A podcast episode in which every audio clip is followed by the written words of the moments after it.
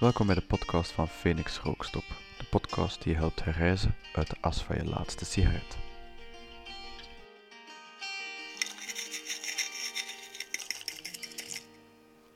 Welkom en super dat je luistert naar deze eerste aflevering van mijn podcast.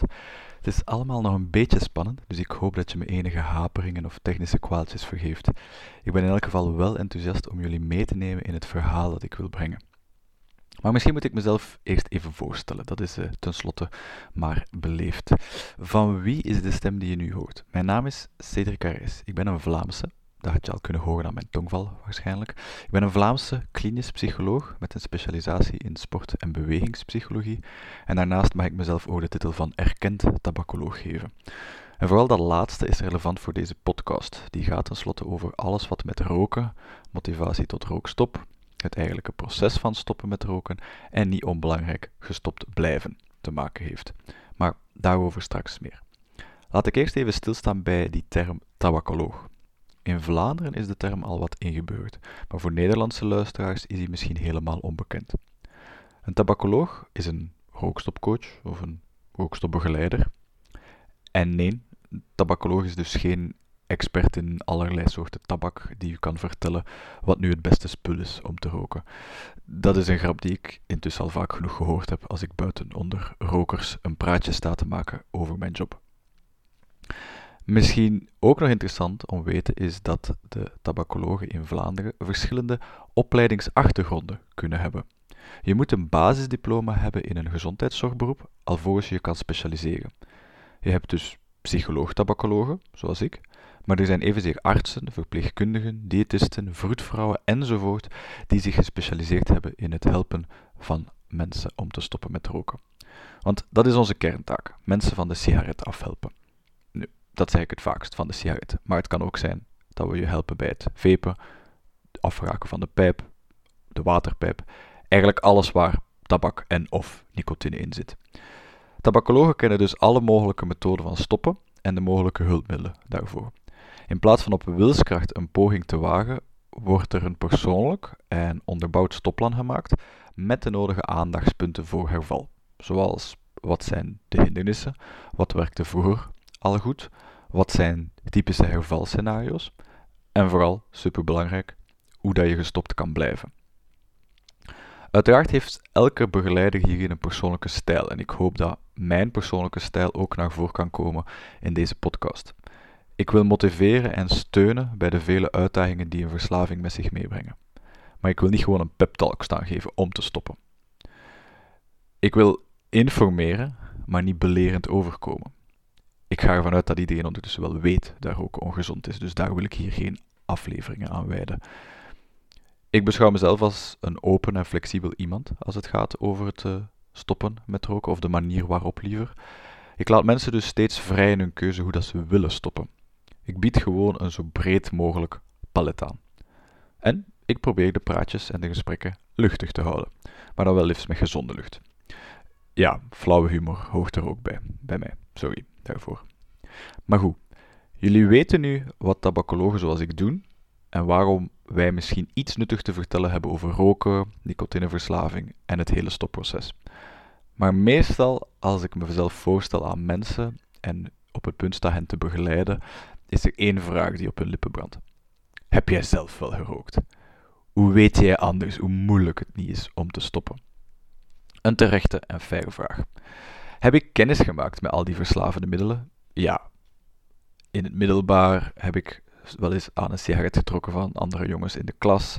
Toen ik ouder was als student werd de joint wel doorgegeven en werd er wiet gerookt. In het buitenland uh, zat ik samen met mensen van heel veel verschillende nationaliteiten. En ook daar was de waterpijp een heel gezellig uh, iets om te delen. En toen het begon op te komen, heb ik ook wel eens getrokken aan een vape om dat spul met smaakjes te leren kennen. Dus ja, ik heb aan alles wel eens aangehangen, zeg ik altijd. Maar nee, ik ben nooit verslaafd geweest. Mijn uitdagingen op het vlak van verslaving liggen elders. Ik weet bijvoorbeeld dat ik heel erg gevoelig ben voor gameverslaving. En als ik mijn vrouw mag geloven, soms ook aan werken. Maar dat is een ander verhaal.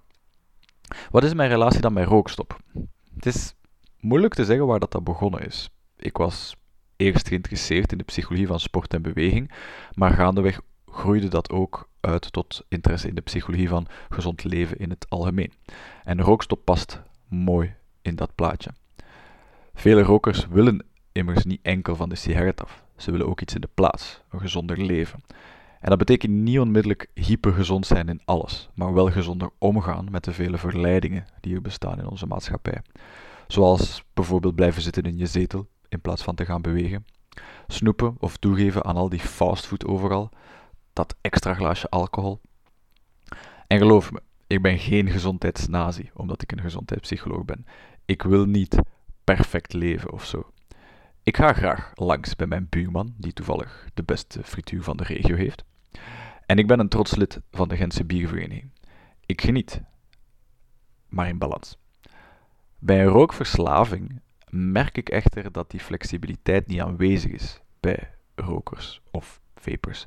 Het is alles of niets. Het is dan ook een verslaving. En hier wordt het dan opnieuw wat persoonlijker. Die, dat gebrek aan flexibiliteit, dat zag ik ook tijdens het opgroeien bij mijn ouders, die verslaafd waren aan het roken. Ik heb ze nooit anders gekend gedurende mijn hele jeugd. Ik was dan ook nog geen gezondheidspsycholoog of wat dan ook, maar ik was een heel uh, actieve zwemmer die uit liefde voor zijn sport ook gezond probeerde te leven. Mijn ouders die waren wel verstokte rokers, maar weliswaar zonder kwaaltjes. En dan is het voor veel rokers moeilijk om te stoppen natuurlijk als er nog eigenlijk schijnbaar niets aan de hand is, toch? Tot op een dag. Ik was op dat moment nog aan het bijstuderen in Griekenland toen ik het bericht kreeg dat mijn vader was opgenomen op de spoed. Hij had ochtends plots last gekregen in de borststreek. Hij contacteerde de huisarts en omdat die wist dat het al jarenlang een roker was, twijfelde hij geen seconde. Hij stuurde hem onmiddellijk door naar de spoedafdeling van het ziekenhuis. Daar hadden ze niet veel tests nodig om te beslissen dat hij onmiddellijk onder het mes moet. Een operatie van wel zes uur. Intussen zat mijn moeder nagelbijtend in de wachtzaal. Ze hebben mijn vader erdoor gehaald. De cardioloog die hem bezocht aan zijn bed bij het ontwaken in de revalidatie was streng en duidelijk. Meneer Garijs, we hebben u erdoor gekregen, maar we hebben er wel ons werk mee gehad. Vrijwel 50% van de aders richting uw hart waren dichtgeslipt door het roken. Ik geloof niet dat u een tweede keer zoveel geluk kan hebben. Dus stop alsjeblieft met roken. Die wake-up call was gelukkig genoeg voor mijn vader om onmiddellijk te stoppen en nooit nog een sigaret aan te raken. Mijn moeder die had genoeg aan de schrik en de stresstijd in de wachtzaal om hetzelfde te beslissen.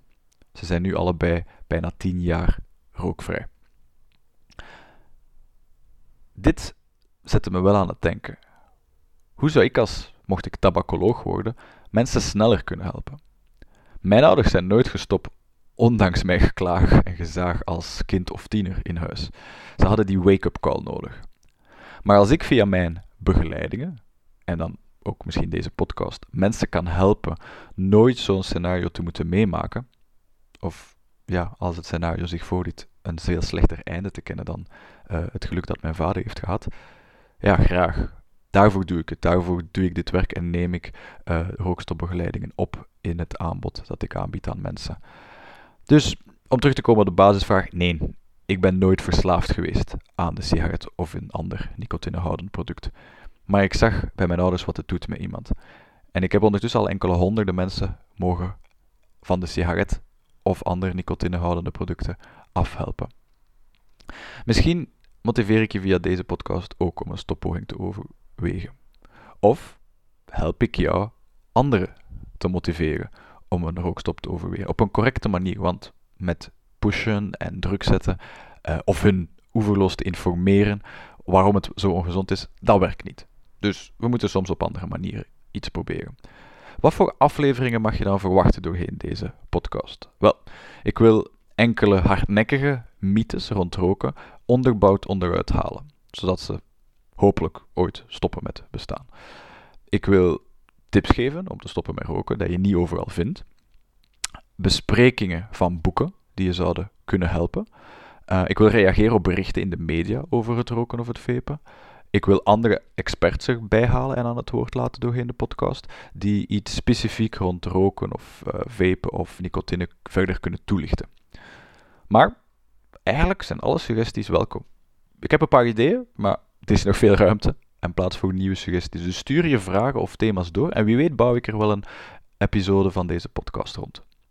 Maar voor nu hoop ik dat je zin hebt gekregen om meer te horen over wat ik te vertellen heb.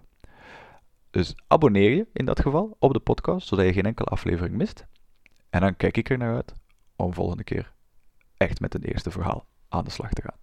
Alvast bedankt voor het luisteren en tot gauw.